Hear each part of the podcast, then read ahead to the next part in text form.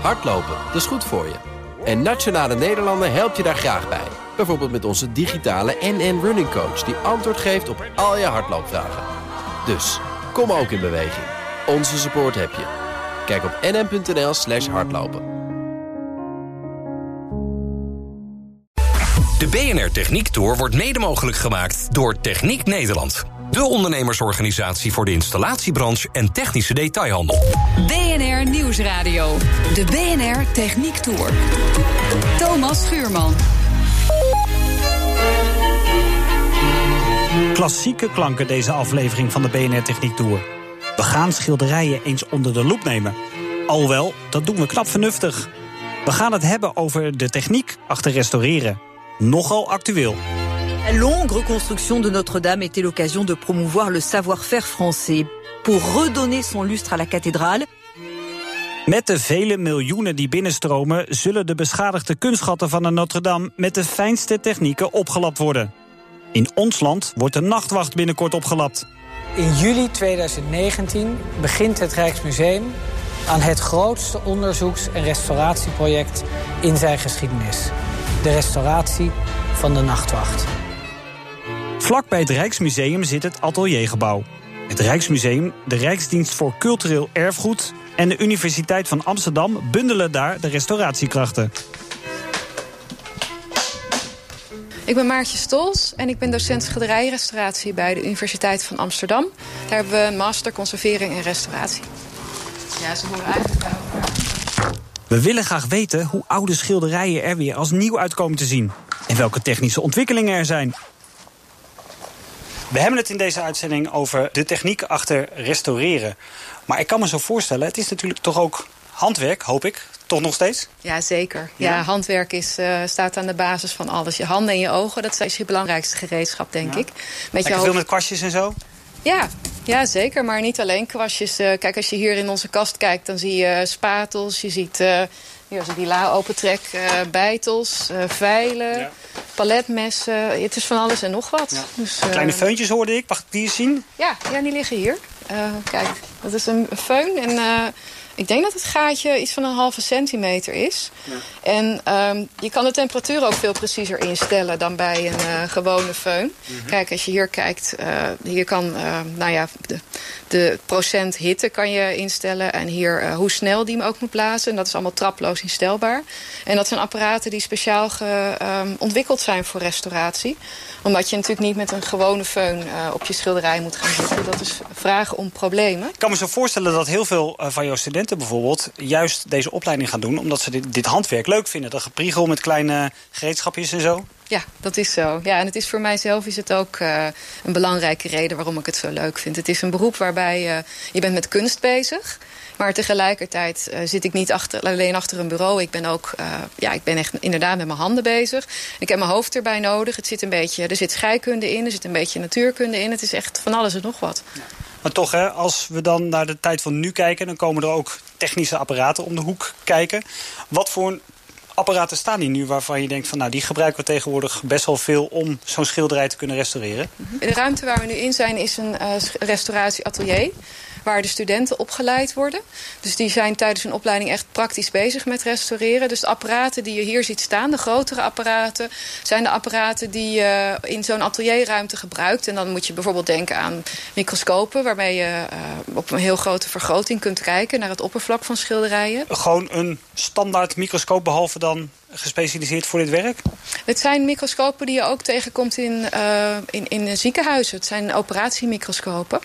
Dit zijn de grote apparaten die we echt in het atelier hebben. Maar als je met mij mee door het gebouw zou wandelen... zouden we ook bij de elektronenmicroscoop eh, komen. Eh, we zitten hier in het gebouw met het Rijksmuseum. Die hebben een röntgenfluorescentiescanner... waarmee je eh, de, ja, de chemische samenstelling van verven kunt onderzoeken... op schilderijen zelf. Dus je hoeft niet eens een klein verfmonster te nemen. Um, een andere partner hier in het gebouw, Rijksdienst Cultureel Erfgoed... daar hebben ze nog weer allemaal andere apparaten. Gaschromatografie, waarmee je kan kijken of de schilder olie heeft gebruikt... of misschien wel met eh, ei heeft geverfd of zo als bindmiddel voor zijn pigmenten. Die apparaten zijn er over het algemeen voor bedoeld... om te ontleden hoe dat sch- schilderij in elkaar steekt?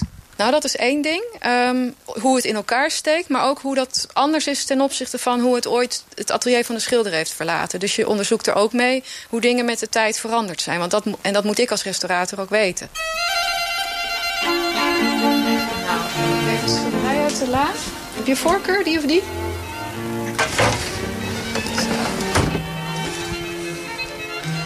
Jullie hebben voor mij ook een eh, schilderijtje even uit een la getrokken. Al te groot is het niet. Het is een, wat is het? Het is een 15e eeuws uh, schilderijtje wat geschilderd is in tempera. Dat is uh, de techniek die ze in Italië gebruikte in die tijd. En dan, dan, dan mengt de schilder mengt hij zijn pigmenten met ei. En daarmee schildert hij.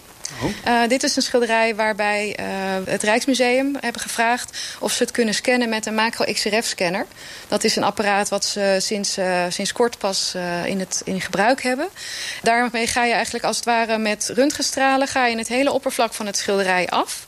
En dat zijn stralen die zo laag energie, zo'n laag energiegehalte hebben... dat ze niet schadelijk zijn voor het schilderij. Nee. Maar uh, ze reageren wel uh, met de uh, materialen in het schilderij. En, Wat zie je dan?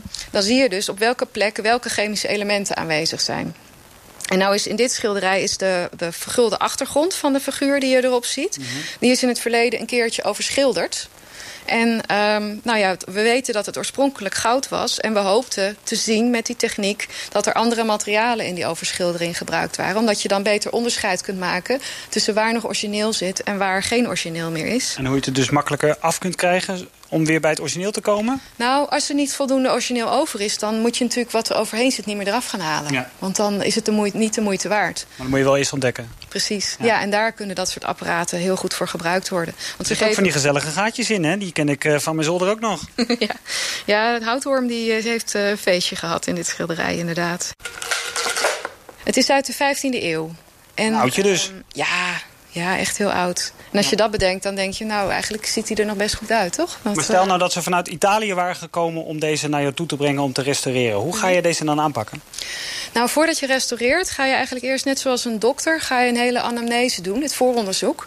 Want je moet eerst weten wat voor materialen erin zitten... en je moet weten hoe die materialen veranderd zijn. En uh, op basis daarvan en ook op basis van uh, wat, wat je eigenlijk wilt bereiken met zo'n restauratie... ga je vervolgens een voorstel doen aan de eigenaar. Mm -hmm.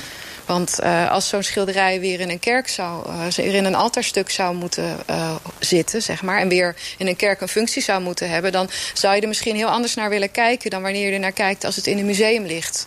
Als iets wat, wat zijn geschiedenis mag laten zien, als het ware. Dus op basis daarvan ga je dan een voorstel doen. En dat bespreek je dan met de eigenaar. Dat doen mijn studenten ook helemaal. En dan, uh, dan ga je aan het werk. Maar dat vooronderzoek, dat is, uh, daar, daar komt heel veel techniek bij kijken. Want behalve dat we met het blote oog kijken... kijken we ook met uh, dingen als UV-lampen... Um, om te kijken naar de fluorescentie van een vernis. We maken röntgenfoto's met röntgenapparatuur. Wat zie je daar dan mee? Want het gaat voor sommigen denk ik toch net even te snel, oh, wat ja. je nu zegt.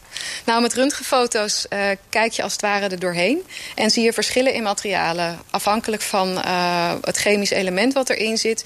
wordt de röntgenfilm wit of blijft die zwart... of wordt die maar een beetje wit... En op basis daarvan krijg je heel erg inzicht... bijvoorbeeld in hoeveel houtworm er in het paneel zit. Want die gaatjes die je ziet, dat is maar... Uh, ja, hoe zeg je Een dat? Uh, het puntje van de ijsberg, ja. zeg maar. Ja. Dat zijn alleen de, de plekjes waardoor de houtwormen naar buiten zijn gevlogen. En voor die tijd zijn ze lekker heen en weer aan het kruipen en eten geweest in de plaats. Gewoon doolhof van binnen. Ja. ja, precies. Wat zijn ontwikkelingen waar u ja, echt naar uitkijkt? Um, ontwikkelingen waar ik erg naar uitkijk... dat heeft te maken met um, ja, eigenlijk kunnen volgen wat je doet terwijl je het aan het doen bent. Want heel veel onderzoekstechnieken, technieken die mij helpen om uh, de effecten van mijn handelen als restaurator uh, beter in kaart te brengen, die werken met uh, voordat je het doet, kijk je en nadat je het doet, kijk je en dat vergelijk je met elkaar. En dat is super. Maar wat ik nog veel liever zou willen hebben, is dat terwijl ik ergens mee bezig ben, dat ik gewoon live kan volgen wat, wat de effecten zijn van wat ik doe. En uh, dat is iets wat op dit moment, ja, dat kan ik wel met mijn eigen ogen en met, kan, met mijn eigen handen kan ik voelen wat er gebeurt. Maar het zou heel fijn zijn als dat ondersteund werd door ook technieken die gewoon live uh, me kunnen informatie geven van wat ik doe. Die zijn er nog niet of is dat in ontwikkeling? Nou, de eerste stappen in die richting die, uh, die, die, die zijn aan het komen. Maar dat, dat is er nu echt nog niet. Maatje Stols is een project begonnen... waar gekeken wordt naar gronderingslagen van olieverfschilderijen. De basis waarop een schilder te werk gaat. In het begin van de 16e eeuw schilderden elders schilders in Nederland op een witte ondergrond. Maar bijvoorbeeld Rembrandt die schilderde op een grijze. En die overgang van wit naar grijs had een enorme impact op hoe schilders schilderden. Want uh, het wit bij Rembrandt komt niet van de ondergrond. Dat komt van witte kloddersverf die hij erop heeft uh, opgesmeerd. Terwijl dat in de, in de 16e eeuw anders lag. Nou ja, we zijn dus nu bezig met onderzoeken hoe die ontwikkeling precies in zijn werk ging. En daarbij zijn we ook een nieuwe onderzoekstechniek aan het ontwikkelen. Waarbij je enerzijds met OCT, dat is Optical Coherence Tomography, kijkt naar de laagopbouw van een schilderij. En tegelijkertijd met, uh, met hyperspectral imaging kijkt naar op elk plekje van het schilderij welke kleur daar precies aanwezig is. En als je die informatie bij elkaar optelt in één apparaat, kan je dus meer weten over uh, hoe de schilder te werk is gegaan. En dat is ook een, een, een apparaat waar ik met heel veel ongeduld op zit te wachten eigenlijk. En dat is vooral om te weten dus hoe de schilder dacht en hoe zijn schildertechnieken waren. Ja, klopt. Ja. Maar um, dat is belangrijk bijvoorbeeld voor een kunsthistoricus... Of, of om een verhaal om aan mensen te vertellen in een museum. Ja, want om heel eerlijk te zijn, wat, wat moet ik er bijvoorbeeld mee? Nou, als jij uh, naar een schilderij van Rembrandt staat te kijken ik weet niet, bedoel, dan, dan, ja, dat maakt een bepaalde indruk op je. En, uh, ik Als weet dat geen indruk meer op je maakt? dat is ook zo. Maar waar, vaak dan hoor je mensen ook tegen... als ik naast mensen sta in het museum, denk je, zeggen, zeggen... Goh, hoe die dat toch voor elkaar heeft gekregen. Gewoon dat soort dingen. Dat zijn wel gedachten die in je opkomen. En dan kun jij uitleggen, nou, door een bepaalde onderlaag al te gebruiken... Ja. gebeuren er al andere dingen ja. of moet je andere technieken gebruiken? Ja, precies. En dat helpt mensen om nog, nog meer plezier te hebben in die Rembrandts als het ware. Maar ja, waarom nou toch grijs bij Rembrandt, vraagt u zich wellicht af. Nou, dat geeft een totaal andere sfeer, zo is mij verteld.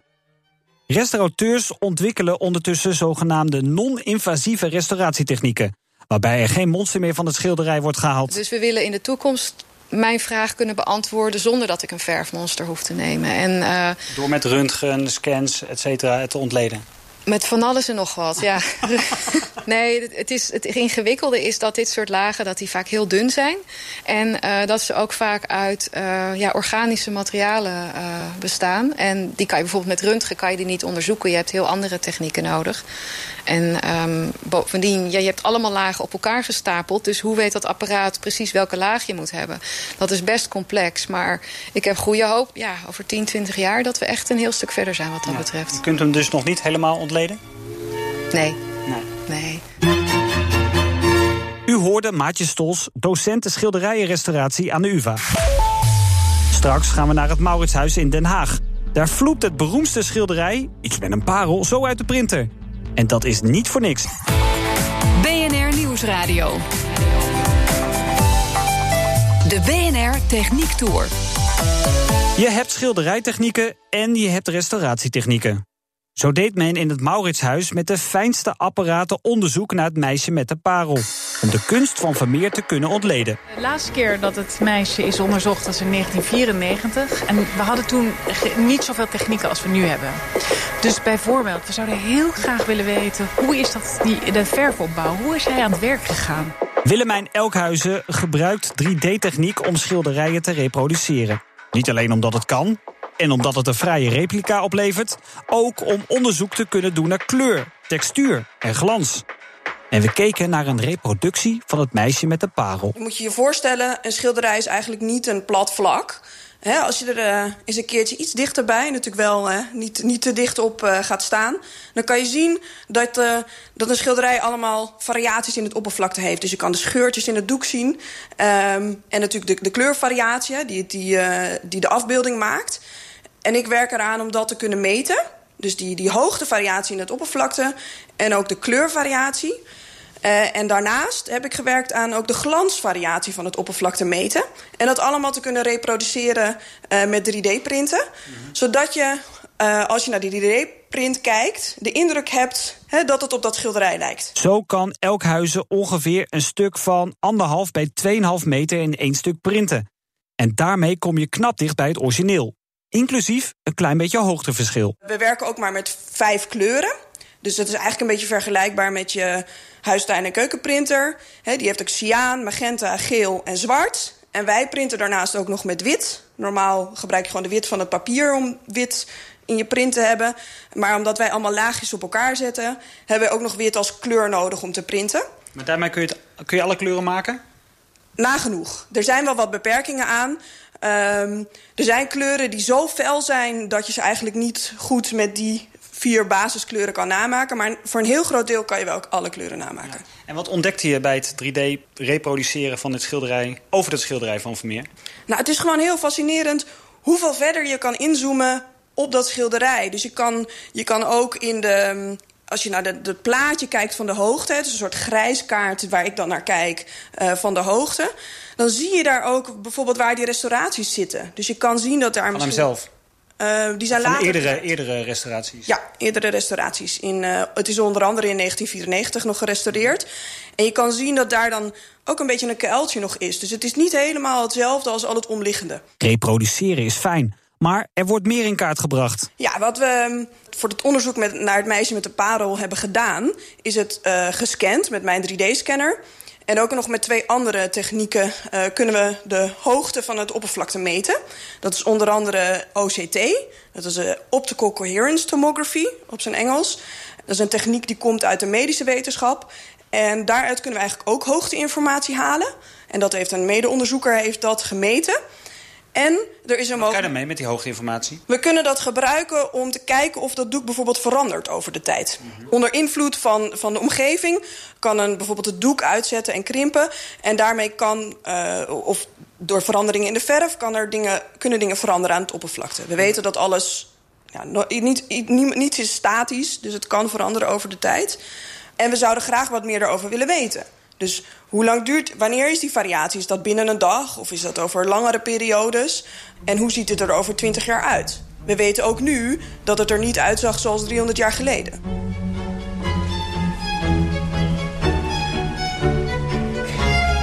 Zijn er vergelijkbare studies al hiermee?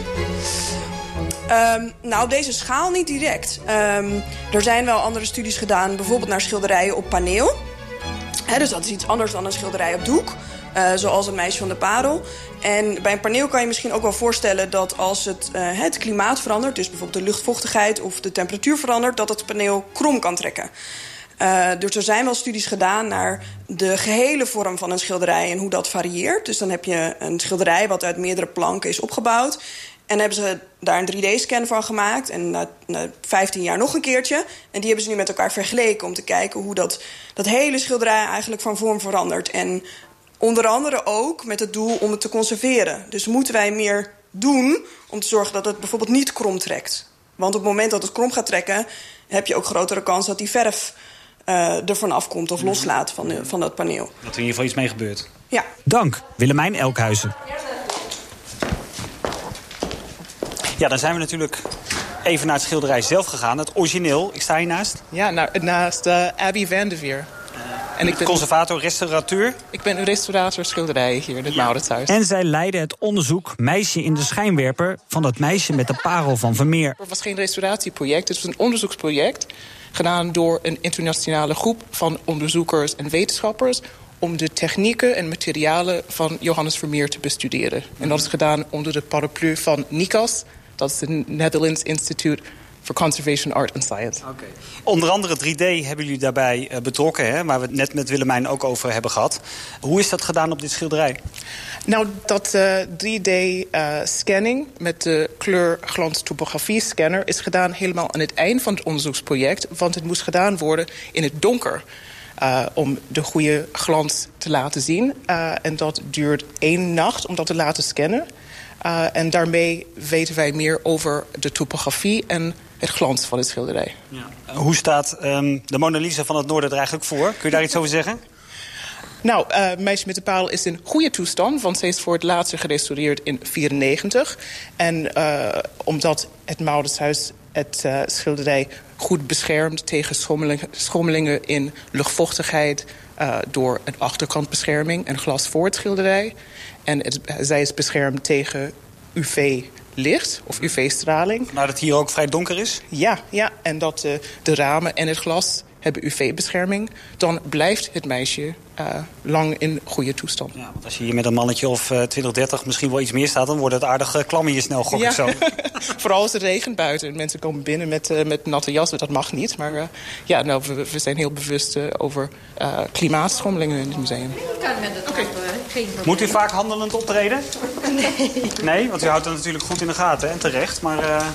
valt reuze mee. Ja, valt het mee? Maar waar moeten mensen het meest op terugfluiten? Ik bedoel, om gewoon aanraken? Of, uh, ja. ja. ja. Dat ze toch echt even willen voelen of zo? Ja, of, ja, of het glas voor zit. Ja. Ho, ho, terug, achter de... Achter de lijn. Achter de lijn. Meestal, meestal is het bij de Japanners. Ja? Ja, ja. het is echt, dat gebeurt dagelijks. Dat de Japanners echt helemaal over de lijn en dichtbij en wijzen. En, uh... Restauratoren ook willen van, heel, van Klopt. kijken. Nee, maar het is ja. natuurlijk een neiging. Je wilt er ja, dicht op staan. Ja, ja, ja, en dan zeggen ze, nou, het is zo fijn geschilderd en we kunnen niet goed zien. Ja. ja. En als je ze waard, nee hoor, we komen helemaal niet aan. en dan zeggen we, nee, dat zeg ik niet, maar... Graag. Jullie hebben heel erg met 3D-scannen naar het schilderij gekeken. Zijn er ook nog andere technieken aan te pas gekomen? Ja, we hebben andere technieken, andere delen van het elektromagnetisch spectrum gebruikt. Zo, om nog een keer? Elektromagnetisch spectrum. Ja. Gebeurt er een hoop? nou, we hebben van röntgen tot infrarood, tot UV-straling. Daarmee kan je um, door de bovenste lagen heen kijken... om te zien wat ligt onder de verf. Bijvoorbeeld met infrarood kan je um, pigmenten die bevatten koolstof... bijvoorbeeld zien of laten zien door infrarood. Kun je ook zeggen dat jullie zo langzamerhand bijna alles over dit schilderij weten? Nou, we zullen nooit alles over het schilderij weten... maar wat interessant is van het uh, onderzoeksproject... is dat wij weten heel veel over wat er zit onder het oppervlak. En dat hebben wij gemeten met verschillende onderzoekstechnieken... verschillende wetenschappelijke technieken... die het schilderij niet hoeft aan te raken. Ze zijn allemaal niet-invasieve technieken. Mm -hmm. En dat is nieuw... Dat wil je eigenlijk niet? Nee, nee, we willen het schilderij zo min mogelijk aanraken. Uh, en door dit nieuwe ontwikkelingen in het, uh, in het wetenschap... Uh, kunnen wij verschillende technieken aanpassen... om te zien hoe Vermeer het meisje tot leven heeft gebracht. Ja. Wat betekent dat voor je vak? Nou, het is allemaal super interessant om die nieuwe technieken erbij te trekken. Maar dat wordt moeilijker, omdat nu hebben wij zoveel tot onze beschikking... om, te, om schilderijen te onderzoeken. Dus we moeten hele goede onderzoeksvragen stellen. En dan precies weten wat wij gaan onderzoeken. Ja. Want het heeft misschien een beetje een stoffig imago... maar het is ondertussen gewoon high-tech zo langzamerhand. Ja, heel high-tech. En dus, uh, restauratie is echt een combinatie van kunst en wetenschap. In de loop van dit jaar moeten de resultaten over het onderzoek naar Vermeers meisje bekend worden. Want welke lagen zitten er in de schilderij? Hoe is het tot leven gekomen? En wat is de invloed van de omgeving op het doek? Nee, maar in de 17e eeuw moesten ze binnen schilderen... want ze hadden geen tubeverf. Ze moesten de pigmenten zelf uh, vermengen met olie. Uh, dus ze waren heel bewust over de eigenschappen. Voor de gezondheid ook, ja. lijkt me. Niet als ze lood-wit gebruikten, bijvoorbeeld. Maar ze waren heel bewust over uh, de effecten van hun pigmenten... de effecten van het laagopbouw. maar over de omgeving, over luchtvochtigheid en licht... ik denk niet dat ze daar veel daarover weten, nee. Nee, zeker niet voor de lange termijn, gok. Nee, nee. Dan mogen jullie mee bezighouden. Jazeker. Hey, en dan de, de hamvraag, misschien wel strikvraag. Is het een parel? nou, dat is, dat is een interessante vraag. Nou, dat is um, iets dat wij um, misschien niet kunnen komen te weten... met de, de onderzoekstechnieken die we nu Blijven hebben. toch ook mysteries, hè, ja, rondom het schilderij? Precies, ja, ja, ja. Maar wat we wel weten is dat het uh, gemaakt is uit verf. Waarvoor dank Abby Vendiveer, die onderzoek deed naar het meisje met de parel van Vermeer. Dit was de BNR Techniek Tour voor vandaag. Terugluisteren mag en kan, via de app of iTunes bijvoorbeeld. Volgende week een nieuw technisch hoogstandje. Dan hebben we het over warmte. Want hoe diep kun je bijvoorbeeld boren om gebruik te kunnen maken van aardwarmte? De BNR Techniek Tour wordt mede mogelijk gemaakt door Techniek Nederland. De ondernemersorganisatie voor de installatiebranche en technische detail. Business Booster. Hey ondernemer, KPN heeft nu Business Boosters. Deals die jouw bedrijf echt vooruit helpen. Zoals nu, zakelijk tv en internet, inclusief narrowcasting... de eerste 9 maanden voor maar 30 euro per maand. Beleef het EK samen met je klanten in de hoogste kwaliteit. Kijk op kpn.com businessbooster. Business Booster.